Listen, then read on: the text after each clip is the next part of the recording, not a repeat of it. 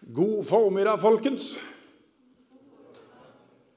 Jeg har ikke sagt det sånn fra talerstolen før, men eh, akkurat nå ble jeg litt sånn minnet på det. For det at eh, på bag, nest bakerste benk så sitter min fru og, og, eh, og vogger på ei barnevogn. Og hun bare øver seg på at vi skal bli besteforeldre. Det gleder vi oss til. At, ja, Du trenger ikke klappe for oss. Vi har ikke gjort noen ting. vi, altså. Det er ikke sånn det foregår. Det at, eh, for dere ikke kjenner, mitt navn er Tore. Jeg er så privilegert til å være pastor her. Jeg må si, Når du står her og ser den svære gjengen som kommer i fellesskap til nadvær, så kjenner jeg det blir berørt langt ned i sjela. Det er fantastisk. At vi kan være med i fellesskap som enkle lemmer på Guds store kropp. Og så er det Jesus som er hodet, både for oss og for denne menigheten her. Det er fantastisk. Og så er det sånn at Vi er litt forskjellige skrudd i hop. Eh, noen er litt eh, tøffere enn andre. Altså, der er en, jeg tror han sitter bak med miksepulten. Han har en plakat hjemme som ser sånn ut. Jeg trenger ikke Google, min kone vet alt. Den hadde ikke jeg turt å hatt. Det kan jeg love deg. Så, det at, eh, så eh, da er det nokså Nei det er ikke Torgeir som har hatt den, men jeg syntes det var greit å hive den på han, for han hadde vært tøff nok til å gjøre det. Så det at, ellers jeg syns jeg heller ikke at uh, appelsiner lenger er sånn som det burde være. De har på en måte endra seg litt etter hvert. Så det, at, så det skal ikke være lett med sånne plakater. Det, det blir fort litt uh, rot ut av det. Du, Merete nevnte det så vidt at nå på torsdag så skal vi ha en, kanskje en av de viktigste samlingene vi har hatt som menighet på, på lenge. Eh, en menighetskveld der alle er invitert. Om du går her fast eller sjelden, eller går her og har blitt født her og oppvokst her. Og den kvelden der må du sette av og bli med, for da skal vi snakke om noe som er kjempeviktig. Hvordan kan vi som menighet og som hjem jobbe sammen for å gi det beste videre til neste generasjon? Kjempeviktig. Og som Merete sa, Hun har lest korrektur, hun er lærer. Så hun leste korrektur av denne blekka, og når jeg fikk den tilbake, så fikk jeg sånn skikkelig sånn flashback. Det var som å få tilbake en gammel eh, stil. vet du. Det var rød streke over Nei, det var ikke det. det var ikke så... det, var ikke det. det var ikke det. Men det var, det var, en del ting som var veldig greit å få luka ut. Så det at, eh, vet du, Når pastoren har dysleksi, så blir det ganske interessant av og til. Da, da, da kommer det rare linjer ut med mangel av ord. Og, så det hele tatt. Men torsdag klokka sju, vær der. Sett alle kluter innenfor hver dag. Og Så kan vi glede oss allerede nå til neste søndag. Da skal vi først feire gudstjeneste her klokka 11. Og så skal vi reise bort på Evangelieshuset. Og så skal vi være sammen med Evangeliehuset. Og så skal vi ha et fellesmøte der sammen med de. Og så kommer Egil Svartdal. Det blir bra. Så han som er pastor i Evangeliehuset, Trond og meg, vi har vært litt sammen, og dette gleder vi oss stort til. Så det, det er mye å glede seg framover til. Men du, nå, eh, en av de viktige tingene som er i vår tro og som er et sånn viktig element, det er denne her. Guds ord. Bibelen. Jeg vet ikke om du har eh, lagt merke til det, men, men altså, denne her brukes Bibelen, Guds ord, brukes hele tida i våre settinger. Kommer du innom her på en gudstjeneste, så er det noen som leser fra Guds ord. Kommer du innom her på en eh, bønnemøte, så er det noen som leser fra Guds ord. Er du på søndagsskolen, så kommer det Guds ord. Er du på ungdomsopplegget, så kommer det Guds ord. Eh, er du med på eh, onsdagsklubben, så kommer det et Guds ord. Altså, Vi prøver hele tida å dra Bibelen, Guds ord, inn i alle sammenhenger, for vi tror den er så viktig. Og som menighet så sier vi rett ut, og det står til og med nedfelt i våre statutter, at vi som menighet er der er Bibelen rettesnor for liv og lære. Altså, Hele vår fundament bygger på Gudsordet, som er fra Gud, Jesus. Og Derfor så tenker jeg i dag å, å gjøre en, eh, sånn en greie der vi skal få lov til å bruke litt sånn tid for å lese bitte grann. Altså, det ble gjort en liten undersøkelse i avisen Dagen forleden. Eh, litt sånn, Der de hadde gått skikkelig grundig til verks. Spurt masse kristne folk og ofte leser du i Bibelen. Og De som hadde lagd undersøkelsen, de ble faktisk veldig positivt overraska. For det er jo mange som leser. Faktisk En tredjedel av de som var med på undersøkelsen, sa de las Bibelen så ofte som fem til syv ganger i uka. Og så ser vi faktisk dette er litt sånn gøy, at vi menn leser mest. den så dere ikke komme. Nei. Og pinsevennene leser aller mest. Så der har vi litt å gå etter. Så det er at, eh, Men som, når vi har på en måte et gudsord, så tenker jeg dette er viktig. Personlig så, så, så har jeg både Bibelen i eh, mobilformat og i papirformat. Og Jeg må være ærlig og si at jeg liker papirformatet best. Altså, det, det, er kjekt med mobiltelefon, men, men, men, det å kunne sette seg ned og, og eh, bla, streke unna, skrive noe i margen Og ikke minst slippe å bekymre seg for at plutselig Bibelen begynner å vibrere og ringe samtidig. Det, det har jeg ikke opplevd enda med en vanlig papirbibel. Hvis det skjer, da tenker jeg at nå er det virkelig noe Gud ønsker å si meg. altså. Men, eh, eh, men vi har et tilgang på Bibelen i dag som er helt enormt. Langt mer enn noen ganger før. Så i dag så tenker jeg at vi skal ta oss litt sånn god tid til å lese. Og Vi skal lese et ganske langt avsnitt. Og vi skal ta oss litt god tid mens vi leser det. Så Jeg har rett og slett tenkt å gjøre noe som jeg kanskje ikke pleier å gjøre. men det er rett og slett Jeg skal finne en, en stol. Krakk. Og Så tenkte jeg rett og slett jeg skulle sette meg ned. Og Så vil teksten komme opp på veggen etter hvert. Eh, men denne teksten her, den står både i, Matteus, Markus og Lukas. Fordi at den er så viktig. Og Vi skal lese den fra Markus. Og Hvis du er med deg i Bibelen, så bør du slå den opp. Eh, eh, det er faktisk et ganske godt tips. Ta alltid med deg Bibelen. For Hvis du har med den Bibelen, så kan du lese litt hvor jeg heller på å lese, eller noen andre heller på å lese. Og Det fine er jo det at det er jo ikke alltid pastoren er forferdelig god. Det hender jo av og til det er ganske kjedelig å høre på en pastor. Så da kan du i fall sitte og lese bra ord. Mens pastoren preker, så har du litt å holde på med, som er oppbyggelig. Eh, og så tror jeg i forhold til det at det, På torsdag så skal vi snakke om dette med levende tro og neste generasjon. Jeg tror våre barn og barnebarn og oldebarn har godt av å se at for oss så er Bibelen så viktig at vi til og med tar den med oss ut i snøvær. Og vi bruker den flittig. Markus kapittel 4, fra vers 1. Der leser vi i Jesu navn. Jesus begynte igjen å undervise folket nede ved sjøen. Og mens jeg leser nå, så kan du velge enten å lese, blunde, men ha følgende tanke hele veien. Er det noe i teksten som berører mitt liv? Er det noe som du kjenner at 'dette treffer meg'? Da Jesus igjen Jesus begynte igjen å undervise folket nede ved sjøen. Det samlet seg en så stor folkemengde omkring ham at han måtte gå ut i en båt og sitte i den ute på sjøen, mens hele folkemengden sto på land, helt ned til vannkanten. Han underviste den om mange ting og la fram sin lære i lignelser. Hør, sa han. En såmann gikk ut for å så. Og da han sådde, falt noe ved veien, og fuglene kom og tok det.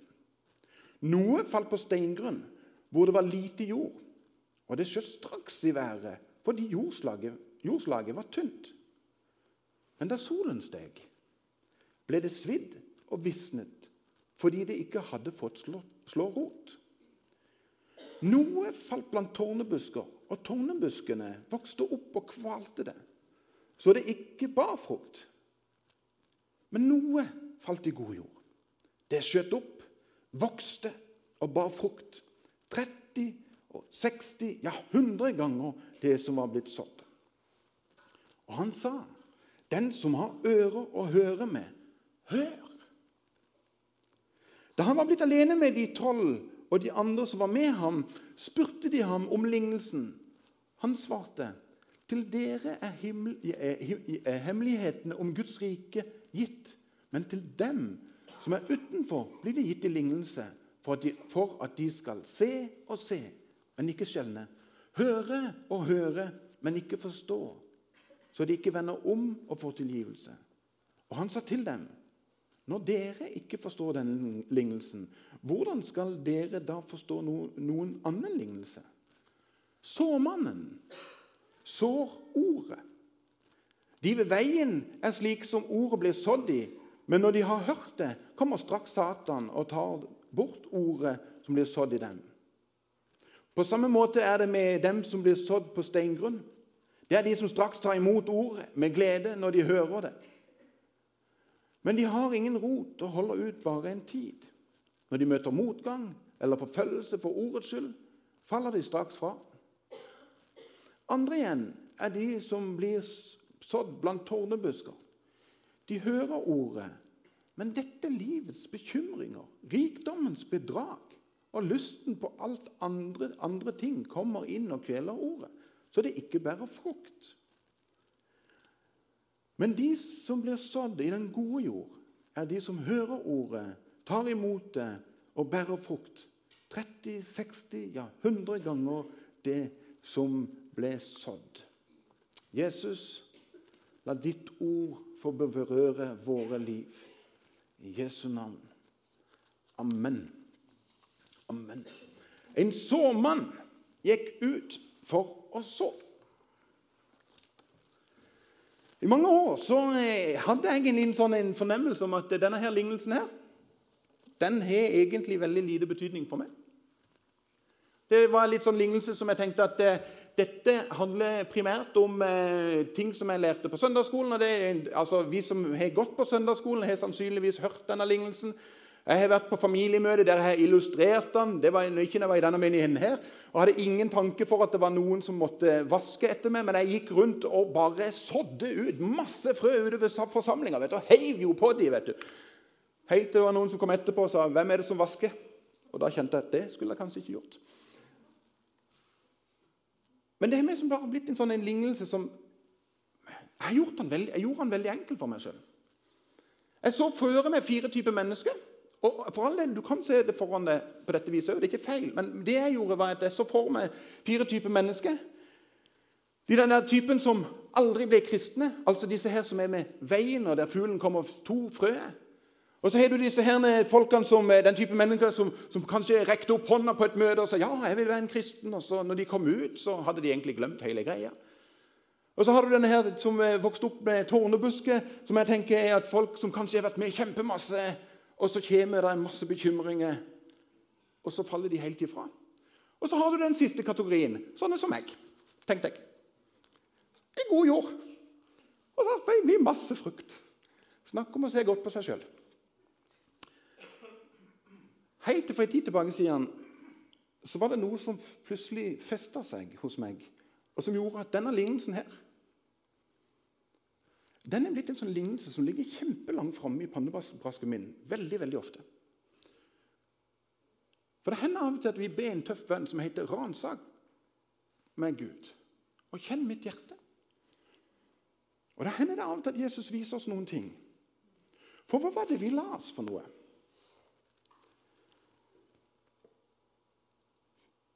Det sto det at sårmannen sår ordet. Han sår ordet. Men ordet det er jo dette her som vi nettopp las i. Guds ord. Bibelen. Han så ordet. Og Da begynte jeg å tenke litt sånn Ja vel? Hva slags jordsmonn er det i mitt liv? Tar jeg alt dette til meg? Hvordan får det på en måte utslag hos meg? Plutselig så handler plutselig hele lignelsen om mitt eget liv. Hvordan jeg møter Jesus og hans ord. Hvordan jeg får lov til å la det påvirke min hverdag eller ikke. For jeg tror ikke jeg er den eneste som av og til erfarer at det treffer liksom ikke helt. Altså fire typer jordsmonn i mitt liv. Og jeg tror de fleste av oss, i større eller mindre grad, har noe av dette her. At det er et jordsmonn inni oss som er litt sånn som veien. Noe som er litt som steingrunn, noe som er med tornebusker, og noe som faktisk er god jord. For når vi leser Guds ord, hvordan treffer det inn i våre liv? Jeg tror ikke det er bare meg som av og til erfarer at eh, noe havner på veien. For, for, for, det hender jo Nå drar jeg det litt langt her for å få dere til å være med på tanken. Men det hender jo at det kommer noen ting i veien for at jeg skal lese Guds ord. Jeg hadde jo planlagt at jeg skulle lese, men så kom det noe i veien. Så Guds ord fikk jo aldri møte noe god jord. For det var noe annet som var viktigere. Nå drar jeg det kjempelangt. Jeg syns det er litt sånn moro, for jeg merker at ofte det som gjør at, jeg, at det kommer noe i veien, er noen sånne ting som f.eks. sosiale medier. Og Jeg syns det er litt sånn vittig at den ene sosiale mediet, Twitter, er en fugl som er logo. Fuglen kom av to ordet. Og for all del, ikke misforstå meg. Ikke, dere vet at jeg er på sosiale medier. Jeg vil ikke fram til at ikke vi ikke kan være på sosiale medier. Men vi må være ærlige og si til hverandre at sosiale medier tar ganske mye av tida vår innimellom. Og av og til når jeg på en måte skal kanskje bla opp i Bibelen fordi jeg har den på mobiltelefonen, jeg sitter på en buss eller jeg sitter på et tog og så tenker jeg, nå skal jeg lese Guds ord, så tar jeg den opp. Men så har det jo poppet opp en liten melding fra Instagram. Og den må jo jeg bare sjekke først. Og så er det jo bare sånn, Du kommer jo aldri til bunns. Du blar og du blar, og du blar, og så har du glemt hele greia. Gudsordet fikk aldri truffet god jord. For det kom noe i veien. Og vips, så er tanken på å lese Guds ord helt borte. Noen ganger så kommer jeg dit hen at jeg får lest noe i Bibelen. Og så blir jeg vilt begeistra. Spesielt hvis jeg av og til hører på en tale, og så leser de et eller annet og tenker Å, så bra! Og så går jeg ut av den gudstjenesten. Men da har jeg allerede glemt det. Det fikk aldri tid til å feste seg i meg, sånn at det fikk lov til å bety en forskjell. Det fikk aldri slå rot. Jeg hørte det. Det var bra der og da. Men eh, noe påvirkningskraft, det fikk ikke ordet. Og så tror jeg de fleste av oss kanskje kjenner oss aller mest igjen når det kommer til disse tornebuskene. For hva var det vi la oss for noe om disse tornebuskene? Men dette livets bekymringer og rikdommens bedrag og lysten på alle andre ting kom inn og kvelte ordet. Rikdommens bedrag og lysten på andre ting. Hva er rikdommens bedrag? Bare litt til. Bare litt til. Pastoren er ikke noe unntak. Skulle bare hatt litt finere bil. Akkurat i dag skulle jeg gjerne hatt en bil som gikk en elbil som gikk litt lenger når det er snøføre. Jeg var ute og kjørte i går, og det var jo i magen. en tru om jeg kommer hjem. Skulle hatt en litt større bil. Skulle hatt et litt finere hjemme. Skulle hatt litt mer penger. Jeg skulle hatt litt mer, litt mer, litt Vi blir aldri mette. Vi blir aldri mette. Og dette her, dette preger oss alle sammen. Du kan være så skinnhellig du bare vil og se ut som en veldig from og fin kristen, men vi, rikdommens bedrag, den berører oss den berører oss mye mer enn det vi ofte vil. Det er alltid noe rundt dere som trekker oppmerksomheten vekk fra Jesus. Og det rare er at selv om vi har lest mange ganger at vi trenger ikke å bekymre oss, så bekymrer vi oss. Stadig vekk er det noen ting som vi på en måte kjenner og så sier Guds ord du trenger ikke å bekymre deg, for jeg har kontroll. Jeg har all makt i himmel og på jord. Hver gang det er regjeringsskifte i et eller annet land, så tenker du tenk om det blir han, da blir det krise. Jeg husker en hel haug tenkte det blir krise hvis det blir Donald Trump. Jeg husker det var en pastor i USA som sa det. Hva er det dere har i dette? Tror du Gud fortsetter kontrollen? Når vi tenker at det ikke det går Han er fortsatt kontrollen. Du trenger ikke å bekymre deg. Og så syns jeg dette lille verset her er et sånn et enormt paradoks i vår tid. For så aldri før så har vi hatt så mye som det vi har nå. Vi har jo et potensial til å kunne spre ut Guds ord som aldri før. Altså, Aldri har vi hatt flere muligheter til å gjøre det gjennom sosiale medier, gjennom podkast, gjennom å samle folk til gudstjeneste. Vi har ikke noe forfølgelse. Vi har aldri hatt så god tid som akkurat nå. Vi jobber jo kjempelite i forhold til hva vi gjorde for 100 år siden. Vi har mer penger, så vi kunne egentlig ha investert enormt i misjonsvirksomhet. Både i denne byen, i landet og ut av landet. Og så er paradokset at aldri før så har dette, denne byen og dette landet blitt mer og mer avkristna som akkurat nå. Denne rikdommens bekymringer, denne rikdommens bedrag, den preger oss. Av og til langt mer enn vi vil. For hvis Gudsordet hadde virkelig fått fotfeste, og virkelig fått lov til å mangfoldiggjøre seg, så har jo vi et enormt potensial. Heldigvis så treffer òg Guds ord god jord. Når vi ser oss rundt her inne i dag og ser på den flokken med barn som kommer her, der Guds ord blir sådd, der du ser at det skjer noen forandring i menneskets liv Jeg fikk en som kom bort til meg og så kom han og sa han det, du Tore, jeg hører det går så vanvittig bra i Porsgrunn misjonskirke. Hører det er blitt så mange der. Så sier jeg, vet du noe? Det er jo sant. Men det gleder ikke meg i det hele tatt. Antall folk gleder meg ikke. Men når du hører om at mennesker sitt liv blir forvandla fordi de har møtt Guds ord, da fryder jeg meg. Og så hører jeg plutselig om en ny generasjon med unge folk. Og dette er sant. Just nå i denne uka her så hører jeg at det er en gjeng med ungdommer nede på Sørlandet en plass som samler seg en gang i uka. Vet du hva de gjør for noe? De møtes, og i en halvtime så blir det lest høyt ifra Guds ord, ifra Bibelen. Og Når den halvtimen der er ferdig, så sitter ungdommene stille og lar Guds ord få lov til å synke inn i seg mens de har noe litt lovsang rolig i bakgrunnen. Og når den timen er ferdig, så går de hjem. For det er det de har trua på at Guds ordet er sant. For det står i hebreerne så det dette her, For Guds ord er levende og virkekraftig og skarpere enn noe tveegget sverd. Det trenger gjennom til det kløyver sjel ånd og mag og bein og dømmer hjertets tanker og planer. Guds ordet får lov til å havne i god jord, som gjør at jeg kan ikke la være å la det ordet prege meg. Jeg kan ikke la være å fortelle om det jeg har hørt og det jeg har sett. Fortelle om hvordan Guds nåde påvirker mitt liv. Hvordan Guds fred har fått lov til å fylle meg. Hvordan Gud har fått lov til å forvandle meg. Eller som Martin Luther sa det Bibelen er levende.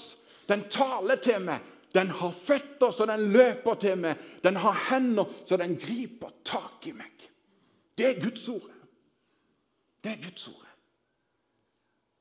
Og aldri før så tror jeg at det har vært så viktig å lese Guds ord og ta Guds ord til seg som i 2020 i Norge. For vi er i en brytningsfase i dette landet. Du trenger ikke være profet for å si det engang. Guds ord trenger å få stor plass i vårt liv. Jeg har en sånn stille bønn i mitt liv. Jesus, løp meg i møte. Grip meg. Rydd vekk alt som er av ugress og vei og fugler og tornebusker. Og la mitt liv være vidåpent, sånn at ditt ord lander i god jord i mitt liv. Sånn at det forvandler meg innenifra og ut. En ting ikke jeg liker, det er at når jeg taler om dette her, så vet jeg at oddsen for at noen av dere som sitter her, eller noen av dere som sitter og hører på dette på podkast, nå sitter med dårlig samvittighet. For du tenker jeg leser jo ikke så mye. Jeg har ikke sånn en fast leserytme. og Når jeg leser, så blir det, det blir bare noe jeg blar i det, og så jeg får ikke noe ut av det. Vet du Er det noe ikke jeg ønsker som pastor, så er det å gi folk dårlig samvittighet. Jeg har lyst til å si til deg jeg har mer tro på å lese noe og ha god tid til å la det synke ned i ditt liv, enn at du skal lese så veldig mye. Sjøl kan jeg til tider rett og slett bli stående i et bibelavsnitt, og jeg kan bli værende der i ukevis. For jeg ønsker så inderlig at det skal treffe god jord i mitt liv, sånn at det skaper forvandling. Jeg hadde en sånn periode før jul. Det var noen skriftsteder som på en måte bare gikk. Og jeg måtte lese det om igjen og om igjen og om igjen. Og jeg ble bare mer og mer begeistra for det jeg leste. For det traff til slutt god jord. Men så må jeg være ærlig og si at noen ganger så skjønner jeg ingenting. Det er helt sant. Av og til så skjønner jeg ingenting, og vet du noe? da sier jeg det til Gud. Dette skjønner jeg ingenting av. Og så legger jeg til én ting. Men jeg tror fortsatt at det er ditt ord, at det er din sannhet, og at det er din sannhet står fast. Selv om ikke jeg forstår det, så liter jeg og stoler på Guds ord. Og la det få lov til å ha en helt suveren plass.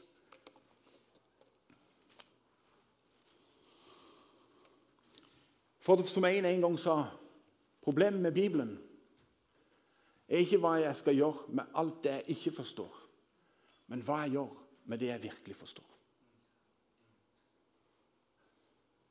Hva gjør du med det du virkelig har forstått? Har du latt det ordet få lov til å forvandle deg? Skal jeg skrape i en sånn ting som, som kommer til å være sårt for de fleste av oss? Det står i Bibelen 'vær gjestfrie'. Når inviterte du noen sist som kanskje trengte å bli invitert? Det er lett å invitere de som er gode venner, men av og til så hender det at vi skal invitere noen som vi tenker de trenger å bli sett. For Jesus har kalt oss til å elske vår neste. Og da kjenner jeg at nå må du ransake mitt hjerte, Gud. For jeg syns det er lettest å invitere de jeg kjenner best. For de liker jeg mest. Men så er det veldig gøy når Nav til blir invitert til folk som en ikke kjenner så godt. Og så merker en wow, dette er mennesker som Gud har gjort noen ting i. Min lille bønn til slutt. Vi skal gå mot helt, helt avslutning veldig fort. Din inderlige lille bønn er at vi som menighet mer enn noen gang skal lese Bibelen. Både her, men også hjemme. For våre barn, for våre barnebarn. Kanskje vi skal begynne å lese de sammen med vår ektefelle. Kanskje vi skal sette oss sammen med noen vi kjenner, og lese det høyt for hverandre. Og la bare Guds ord få lov til å være Guds ord uten å diskutere det, men bare lese det. Og la det prege oss.